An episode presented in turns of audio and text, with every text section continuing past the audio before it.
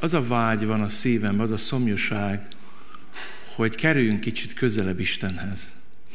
Meggyőződésem az, hogy minden megújulásnak, és nem csak egy reformációnak, hanem minden reformációnak a főszereplője Isten. Minden megújulást Isten lelke indít el. Egyszer egy ember életében. Ilyen ember volt Luther, aki addig olvasta azt a római levelet, még, még fel nem fedezte azt, hogy szüksége van Isten kegyelmére. És a reformáció ez mindig egy emberrel kezdődik, ma is. Kezdődhet egy lelkész megújulásával, kezdődhet egy presbiter megújulásával, kezdődhet egy gyülekezi tag megújulásával. A reformáció központi szereplője mindig Isten. És ha valamit kell kérünk ma Istentől az az, hogy ne az évfordulóhoz kerüljünk közelebb, hanem ő hozzá. Mert csak egy évfordulóhoz kerülünk közelebb, akkor nem változik semmi az életünkben. Lehet, hogy nehéz témáról fogok ma este beszélni, az lesz a cím a mai ígértésemnek, hogy reformációval ünnepelni a reformációt. Isten nem arra hív minket, hogy ünnepeljük a reformációt, hanem arra hív, hogy éljünk a Szentlek tüzében. Hogy éljük a reformációt minden nap. Erről fog Isten ígé szólni. Hát ebből a levélből, a római levélből szeretnék egy igét olvasni a megújulásról, a folyamatos reformációról a 12. fejezetből. Így szól az íge az első verstől. Kérlek azért titeket, testvéreim, az Isten irgalmasságára, hogy okos Isten tiszteletként szálljátok oda magatokat élő, szent, Istennek tetsző áldozatul, és ne igazodjatok-e világhoz, hanem változzatok meg értelmetek megújulásával, hogy megítélhessétek, mi az Isten akarata, mi az, ami jó, ami neki tetsző és tökéletes. Annyi zenei szépség után nehéz megszólalnom, Uram, de kérlek segíts valamit elmondani abból, amit megértettél velem ezekből az égékből, vagy magadhoz közel, újíts napról napra, hogy ne torzuljon, hanem újuljon az életünk. Te látod azt az erőteret, amiben élünk, állandóan torzít ez a világ, torzít a világ fejedelme, de köszönjük a megújító szent lelket, ami újít, formál. Kélek, hogy most is tedd ezt velünk, és közöttünk. Amen. Valamikor gyerekkoromban beirattak a szüleim kerámia körre, és kaulinnal dolgoztunk, ez finomított agyag, azzal kezdődött a nap, hogy a, bejött a tanárnő, összegyűjtött minket kis nebulókat, ilyen rúdakban volt ez a kalim, mint még nagy Párizsik, úgy hozták be a kis tanterembe, és azt mondta a tanárnő, hogy mindenki döntse, hogy mit szeretne csinálni. Utána azt is döntse el, hogy ez mennyi kaolin van figyomított agyag, agyag kell. Vágjon le mindenki annyi anyagot, agyagot ebből a rúdból, amennyire szüksége van, és aztán kezdjen el dolgozni. Ez az egész munka azzal kezdődött, hogy elképzelt, mit fog csinálni. Éppen egy teknőst akartam készíteni, egy sótartónak, egy teknőst, és elképzeltem, hogy én majd kimázolom, meg kiégetem, meg nagyon szép terveim voltak.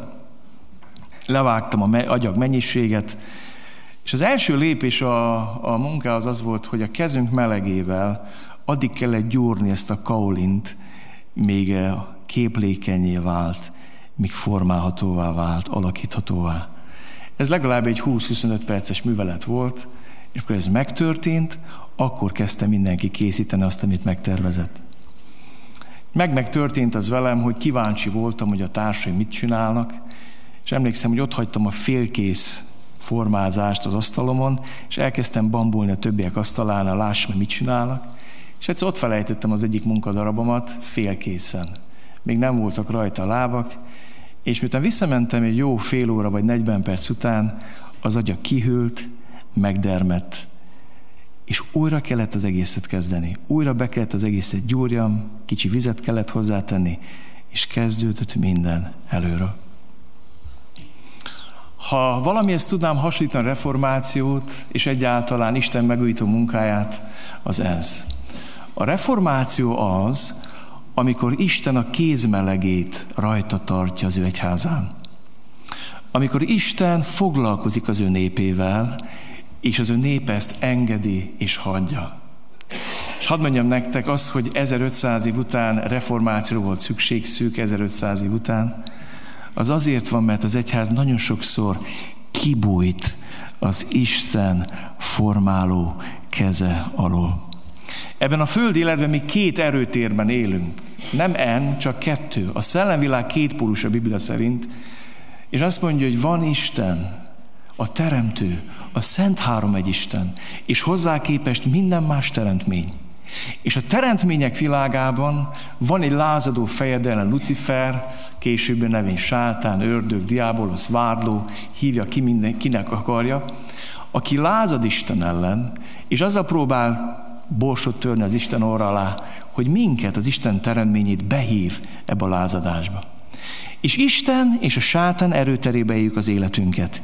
Isten teremt, Isten alkot, Isten véd, Isten gondoskodik. A sátán torzít, pusztít, lázít, nihilt és anarhiát teremt. És ebben a kettős erőtérben éljük az életünket. És attól függően, hogy melyik erőtérnek adjuk át magunkat, az életünk vagy kivirul, és elkezdünk élni. Mert élet csak Istenben és Isten által van. Jézus mondta, hogy ő az élet, a feltámadás, ő az út, az igazság és az élet. Ő az életnek kenyere, a kenyer, amely mennyből szállt alá, ami életed ad a világnak. Életfontosságú, élet-halál kérdése a Jézussal való kapcsolatunk. Emberré csak akkor tudok válni, ha kapcsolatban vagyok Jézussal. Ha ő táplál és éltet. Van egy mai uh, kortás ének, nagyon mély, így szó, hogy te éltetsz engem, te táplálsz engem. Szent jelenléted a szívem meg szól, vagy a te beszédeiddel éltetsz engem. Nagyon fontos látni ezt. És attól függő, hogy kinek adod magad, ennek lesz következménye. Isten úgy találta ki, hogy amikor valaki megtér és újjászületik, és tagja lesz az egyházának, az ő népének, az oda kerül az Isten kezébe. Jézus mondja, hogy ott vagyunk az ő tenyerén. Aztán azt mondja, nem csak az ő tenyerén, ott vagyunk az Atya tenyerén. Formálni akar minket. Az Isten az ő kézmelegét rajta akarja hagyni az egyháza. És amikor mi ezt elutasítjuk, akkor elkezd az egyház torzulni. És szépen betorzult 1500 év alatt. És hadd mondjam nektek, hogy a Biblia beszél arról, hogy nem kell az 1500 év. Majd a végén ki fog még erre térni. Hogy nem kell az ennyit várni. Nem kell megvárni 2017-et, hogy megújulj. Hát ma megújulhatsz a Szentlélek erejében, és élhetsz egy új életet. Hát nem kell várni, hogy majd megünnepeljük, ó, lesz majd egy ünnep, ó, majd reformálódunk. Hát Isten ma akar megújítani. Isten ma akar életet adni. Isten ma akar változást hozni az életedbe. Nem 500 évenként, meg 1500 évenként. Isten él. Jézus Krisztus tegnap, ma is mindörökké ugyanaz. Ezt olvasom ebből a könyvből. Hiszed ezt? Éled ezt? Isten szeretne formálhatóvá tenni. És az egyháza maga 1500 év alatt szépen visszalépett az Ószegységbe. Az a Krisztus, aki elhozta az új életet, aki szabad utat nyitott nekünk Isten, és azt mondta, hogy menjünk hozzá, mint mennyi apukánkhoz. Az ő testé, az ő kereszthalál által utat nyitott. És azt mondta, hogy szólítsuk mennyi édesapánknak az Isten, és menjünk bátran. Az a Jézus, aki azt mondta Samária asszonynak, az ötször elvált élettársi kapcsolatban asszonynak, hogy lehetsz a Szentlek temploma, lehetsz egy mobil templom, Isten jelenítek a hordozója. Hogy Isten nem kézzel csinált templomokban lakik, hanem szívlakó. Nem sírlakó és nem templomlakó, szívlakó, emberi testeket keres az Isten, amit át tud formálni. És az egyház visszalép, és azt mondta, kell szent hely, kell szent idő, kellenek szent emberek, kell szent áldozat, kell közvetíteni, oda kell állni az emberek és Istenek közé, és Isten közé, és ki kell közvetíteni valamit, amit mi akarunk, vagy nem akarunk. És ezt érezték a reformátorok, itt valami gáz van, itt valami nincs rendben. Nem adnak az emberek kezébe Bibliát, nem olvashatják Isten igét, ami formál, ami alakít. Csak azt mondják, amit az érdek diktál. És annyit mondunk, és úgy mondjuk, És összekutyulták az Ószövetséget az Új Szövetséggel, és kialakult egy tehetetlen intézményrendszer, ahol az épületek fontosabbak az embereknél, ahol az épület az egyház, nem az emberek ahol menedzselni kell, fenn kell tartani az intézményt, mozgatni kell. A Biblia azt mondja, hogy Isten az ő egyházát emberekből építi.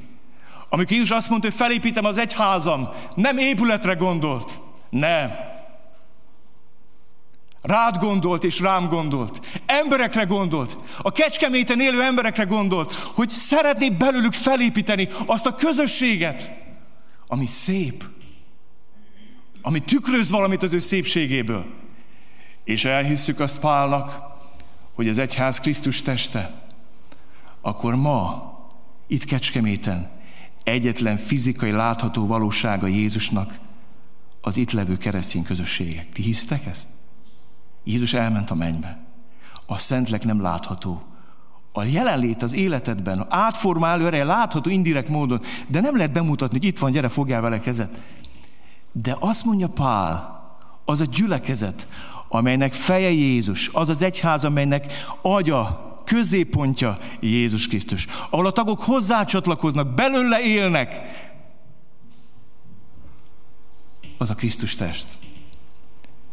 És ez a test elkezd engedelmeskedni neki, amikor te és én egyenként elkezdünk tőle függni, és szeretetben kezdünk egymáshoz kapcsolódni, akkor valami meglátszik a Krisztus szépségéből. Valami átragyog az egyházon, mint az ólomüvegen átragyog a napfény, és kirajzolódik valami. Na úgy, ami különbözőségünkből, és mégis lélek egységéből, hogy Isten lelke összekapcsol minket, megmutatkozik valami az ő szépségéből. Isten azt akarja, hogy a Kecskeméten, az itt levő keresztény gyülekezeteken állt, átragyogjon a Krisztus szépsége, a város felé. Ilyenek vagyunk mi? Vonzóak az Isten tiszteleteink? Özönlenek az emberek, vágynak, mondják azt, mint Ézsás könyvében, menjünk fel a Sion hegyére, hadd tanítson minket az útjaira. Vágyunk, szomjazunk az Istenre. Annyira szeretni Isten ilyennek látni az egyházat. És engedjétek meg, hogy olvassak egy szakaszt a Bibliából, ami arról szól, hogy hogy néz ki egy gyülekezet, mikor rajta van az Isten kézmelege, mikor a Szentlek erejében ízik egy közösség, amikor Isten lelke mozgat egy gyülekezetet, nem tökéletes, de élő. Nem hiszek tökéletes gyülekezetekben, de hiszek élő gyülekezetben. A Biblia csak két egyházról tud, élő és halottról. Nem címkéket válogat, nem református, meg katolikus, meg református, meg baptista, meg evangélikus. Nem. Élő vagy halott. És ez annak függvénye, hogy belőle élünk el. Nézd meg, hogy néz ki egy gyülekezet, amit a Szentleg tart élve. Akik pedig hallottak a szavára, megkeresztelkedtek, és az apon mintegy három ezer lélek csatlakozott hozzájuk. Ők pedig kitartan részt vettek az apostoli tanításban, a közösségben, a kenyőr megtörésében és az imádkozásban. Félelem támadt minden lélekben, és az apostolok által sok csoda is jeltörtént. Mindazok pedig, akik hittek, együtt voltak, és mindenük közös volt. Vagyonukat és javékat eladták, szétosztották, mindenkinek, agyon éppen szükség volt rá. Minden nap álhatatosan egy szívvel, egy lélekkel voltak a templomban, és mikor házanként megtörték a kenyeret, örömmel és tiszta szívvel részesültek az ételben. Dicsérték Istent, és kedvelt őket az egész nép. Az Úr pedig napról napra nem fogyott, meg kiürült, meg múzeummal vált Európa templomainak a fele, meg szórakozói alakítják ma Nagy-Britanniában a templomokat. A legmenőbb szórakozó helyek ma templomokban vannak Nagy-Britanniában. Hát ez fájdalmas, ahol valamikor Isten igét hirdették. Ma DJ keveri a szószékről a szórakoztató zenét, és a kriptákon mérik az alkoholt. Felfogjátok, hogy mi van Európában?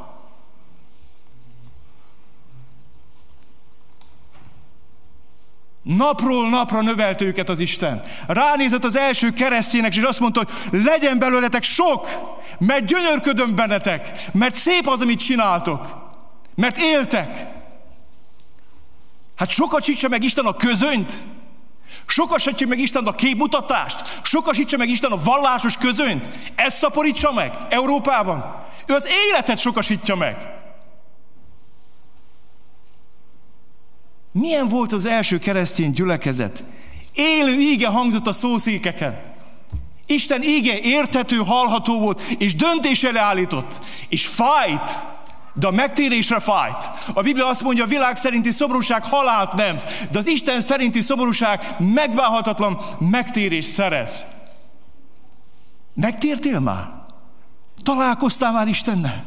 Láttad-e már a bűneidet? Állított már döntés elő a kereszt? Hívott már Jézus az ő követésébe? Aztán azt olvassuk, hogy közösség életet éltek. Megvalották egymásnak a bűneiket, imádkoztak egymásért.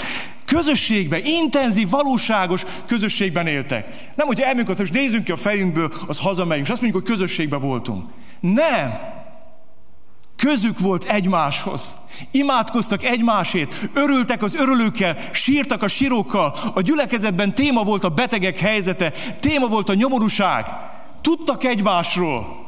Nem eljátszották az Isten tiszteletet, és fénymásolták hétről hétre, hanem Isten lelke valósága jelen volt. Lehet, hogy nem erre számítottál ma. Lehet. Lehet. Lehet, hogy arra számítottál, hogy most megvakargatom a hátat, és azt mondom, drága barátom, minden rendben, csak így tovább. Nagyon jól állunk itt Kecskeméten.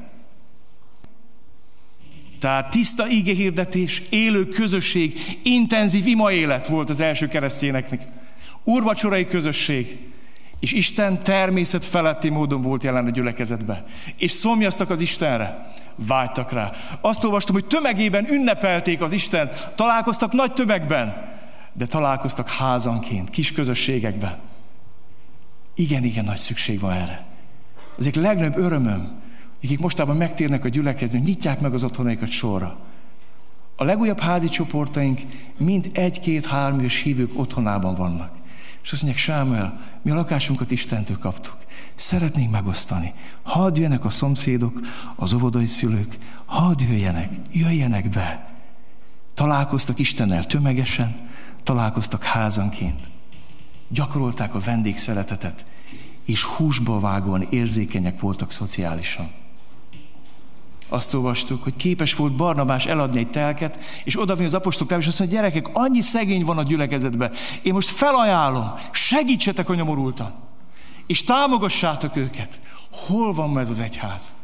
És nem volt tökéletes, de élő volt. Ilyen az, amikor Isten kézmelege a rajta van a gyülekezeten. Amikor Jézus úr egy gyülekezetbe amikor a presbiterek nem politizálnak, hanem imádkoznak, amikor a presbiterek elkerik Isten vezetését, és nem mindenféle lobby tevékenységet folytatnak, hanem könyörögnek, hogy Uram, árasz ki lelkedet. Mert ha nem térnek meg kecskemét az emberek, bezárhatjuk a templomainkat. És üzemelhetjük az intézményt. Mert tudjátok, az egyháznak van egy olyan természete, mint a régi favágógépnek. Gyerekkoromban volt ilyen favágógép, egy dugattyús, ott pöfögött a szelep, még azt is lehetett látni. Aztán volt egy nagy-nagy lentkereke. Az azért kellett, hogy el tudja vágni ez a körfülész, azt a nagy rönköt. A vágó bácsi, mikor befejezte a munkát, levette a pipát, és tehát mit csinált a lentkerék? Még úgy négyet, ötöt fordult. Tudjátok, az egyház lentkereke tud forogni Szentlek nélkül, és egy ideig. És Luther, Calvin és Zwingli felismerték, hogy ezt az egyházat már nem a Szentlek mozgatja. Ezt mozgatják emberek, érdekek, politika, sok minden, de nem a Szentlélek. És vágytak egy egyházra, aminek a feje ismét Jézus. Az ura, az irányítója Jézus az ideg, ideg központja Jézus, ahol a parancsokat ő adja ki, és a mozgatórugója a Szentlélek. Annyira vágyom erre, annyira szomjazom erre. Ti vágytok erre. Imádkozzunk ezért. Olyan jó most együtt lenni itt a protestáns család, ugye? Ekkor a kórus még nem énekelt a gyülekezetünkben. Nagy élmény benneteket hallgatni. De annyira vágyom, hogy tüzesedjen át a szívünk, és engedjük, hogy Isten ránk tegye az ő kezét, és formáljon minket az ő dicsőségére. Még azt szeretném elmondani, hogy az egyház és a gyülekezet sohasem vákumban jelenik meg. Amikor Jézus eljött, azt mondta, hogy elküldetet a mennyek országa, térjetek meg, és higgyetek az evangéliumba. És az evangélium az, hogy az Isten országa a sátán birodalma közepén jelenik meg, és azt alakítja át. Ez Seri Kálmán úgy mondta, hogy a mennyországban minden szalon a kutyából van. Tehát ez azt jelenti, hogy Isten átgyúrja az ördög birodalmát, és az hódítja vissza. Tehát az egyház nem egy ilyen steril közegben, hogy jó, vannak a kecském, a jó emberek, akiket úgy Isten, hogy egyébként is szebbek, aranyosok, olyan jók, hát talán ők meg úgy... Nem, az evangélium épp ott akar meglenni, hogy nagyon nagy szükség van. Nemrég hallgattam a Géles konferenc egyik előadóját, egy spanyol lelkipásztor Csikágóban hatalmas gyülekezetet pásztorol, és képzeljétek, hogy olyan erős gyülekezete van, hogy megkerest őt a rendőrség. Na ez az, amikor Isten országa bejön. Eljöttek hozzá a rendőr, főnök, Csikágói rendőr, és azt mondja, lelkipásztor, a napokban tartóztatunk le 700 prostituált a Csikágóban. Tudtátok valamit kezdeni ezzel a helyzettel? Legközelebb elment vasába a gyülekezet a pásztor, és mondta, hogy szükségem van Istennek, nem neki, szüksége van egy farmra. Kinek van itt farmja, adja oda. Nyolc hónapig csend. Nyolc hónap után előállt egy asszony, és azt mondta, férjem meghalt, van egy farmunk nem messze, szeretnénk felajánlani. És ez a farmon már 500 prostituáltat mentettek ki az embercsempészek kezéből. Egy elég meredek pásztor, de hiteles. Egyszer azt mondta valakinek, hogy hoz nekem négy prostituáltat ide. Hát merett a haja az égnek, hogy ó, pásztor, hát el vagy tévedve. No, no, no, no, hozd ide négy, itt lesz a feleségem, és nyugi, hozd négy prostituáltat. Hozta négy prostituáltat, és mondta neki, ez 100 dollárt kér, ez 50-et, ez 40-et, ez 30-et. Mindéket kifizette, és mondták, hogy hát akkor mit kell ezért csináljunk. Azt mondja, kövessetek engem. Ment szépen a feleségével, és négy prostituált, be kellett vele menjen a templomba. Előkészített a terep, gyertyákat gyújtott, leterítette bőrös pokrócot, leültette őket, és azt mondta, megvettelek titeket egy órára. És ebbe az egy órában szeretnék tektek beszélni arról Jézusról, aki bűnösök barátja volt. A vámszedők és a prostituáltak között mozgott. És egy órán át mondta az evangéliumot, és patakokban folytak a könnyék ezek a nőknek, és azt mondták, hogy velük még ilyen szeretettel senki nem bánt. Mindegyik visszadta a pénzt, ma ennek a gyülekezetnek mind a négy tagja. Négy volt prostituált. Kedveseim, ma is van reformáció, csak mi nem akarunk róla tudomást venni. Dél-Amerikában, Afrikában, Ázsiában, muzulmán országokban hatalmas ébredések vannak. Ami hittestvéreinket lefejezik, ott nagyon sokan jutnak hitre, miközben látják ezeket a retteneteket. Annyira fontos az, hogy Isten megújítson minket. Hogy megújítson minket. Isten az ördög birodalmából hozza létre a saját országát. És azzal szeretném befejezni, hogy azt mondták a hitelődeink, hogy vissza az igéhez, vissza a kegyelemhez, vissza Jézushoz, vissza az üdvözítő hithez, vissza a forráshoz. Az egyik legnagyobb csapda, amiben az ördög belevehet minket, tudjátok, hogy mi? Hogy mi visszamegyünk Lutherig, Calvinig, Zwingléig, de nem megyünk vissza az Istenükig. És lehet ünnepelni. Száz év után, 500 év után, 600 év után úgy a reformációt, hogy Isten nem újíthat meg minket. Ha majd lenne Luther azt mondaná, hogy gyerekek, ne hozzám, hozzá. Én is tőle kaptam életet. Én is belőle értem. Ha itt lenne a Calvin azt mondta, hogy hozzá, vissza hozzá. Tudjátok, hogy mit jelent ez? Egy családban, ahol színművészetet tanult az unoka, nagypapának születésnapja volt, és az unoka úgy döntött, hogy mivel keresztjén a nagypapa, hát elmond neki egy Zsoltárt, a 23. Zsoltárt. Fölállt, gyönyörűen, mély átéléssel, irodalmilag és művészileg kifogástól átadta a 23. Zsoltárt. Meghallgatták, megtapsolták. Aztán a vacsora végén azt mondja a nagypapa, hogy tudjátok, Szeretném én is elmondani ezt a 23. Zsoltát. És elkezdte nagyon egyszerűen, de nagyon mérő mondani. Sírva. És az egész család a hatása alá került. És a végén oda ment az unok, és azt mondta, nagypapa, nem értelek. Miért van az, hogy mikor te mondtad a Zsoltárt, akkor megállt a levegő, és ott valami történt a szívekben. És amikor én mondtam, akkor nem történt semmi. És az unoka azt mondta, az a nagypapa azt mondta, unokám, te ismered a 23. Zsoltárt, én viszont ismerem a pásztort. Ennyi a különbség. Csak ennyi. Te találkoztál egy szép fejezettel, és előadtad. Mert ez a foglalkozásod. De én találkoztam azzal, akivel Dávid találkozott, akiről Dávid mondta, hogy az Úr az én pásztorom, nem szűkölködöm. Én ismerem a pásztort. Hadd kérdezzem meg tőled a Szentlélek ma, ismered Jézus Krisztust? Nem az a kérdés, hogy ismered-e Lutert, meg milyen szépen tudod egyház, a reformáció történelmét, meg hány évszámot tudsz a tört, nem ez a kérdés ma.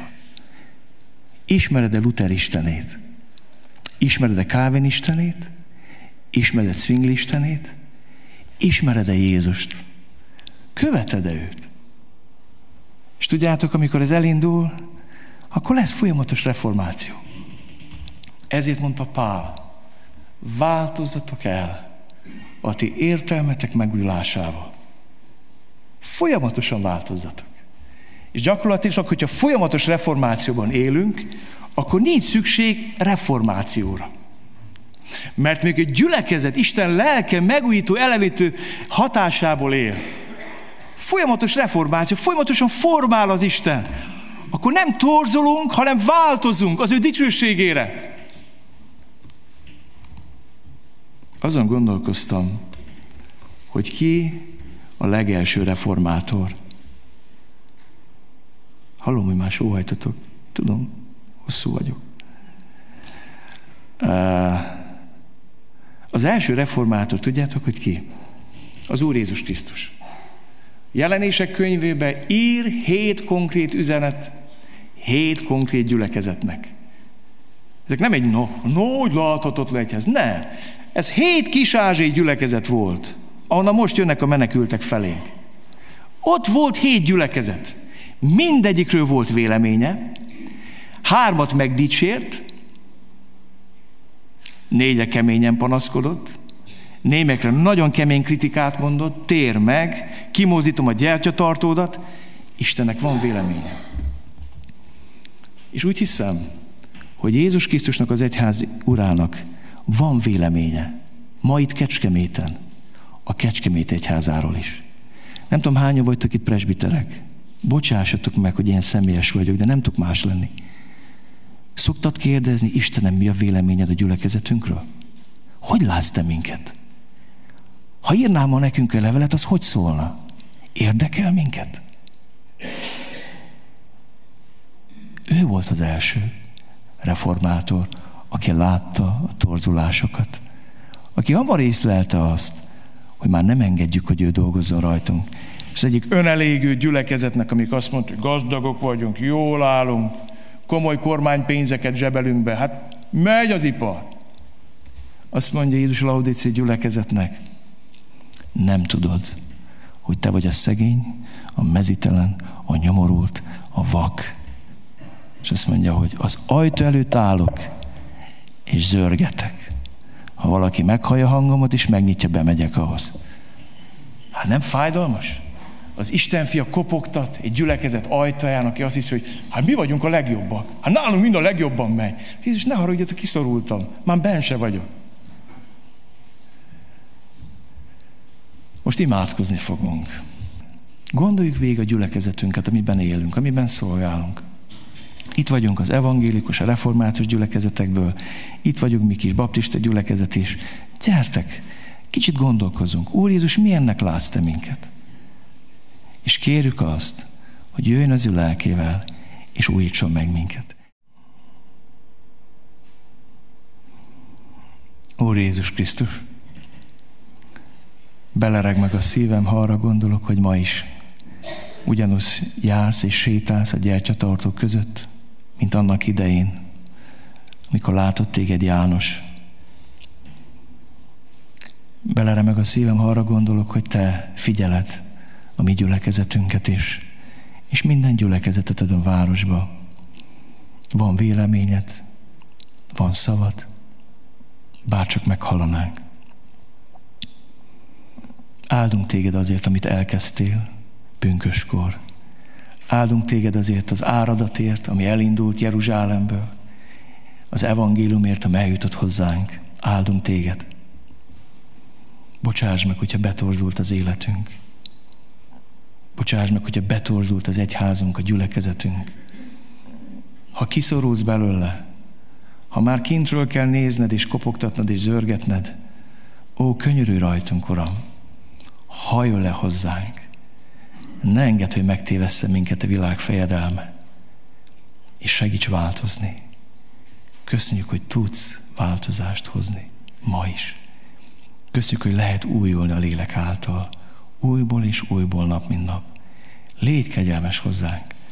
És hadd imádkozzunk most azért együtt, ezeknek a gyülekezetnek a tagjai. Kiáltunk hozzád. Törzs ki szent lelkedet gyülekezeteinkre. Törzs ki szent lelkedet gyülekezetünk presbitereire, vezetőire, gondnokaira, lelkipásztoraira.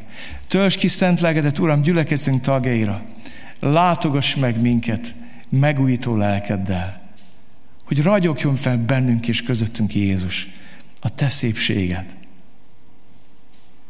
És az a szépség ragadjon meg sokakat kecskeméten, és vonzon hozzád a megváltásra. Amen.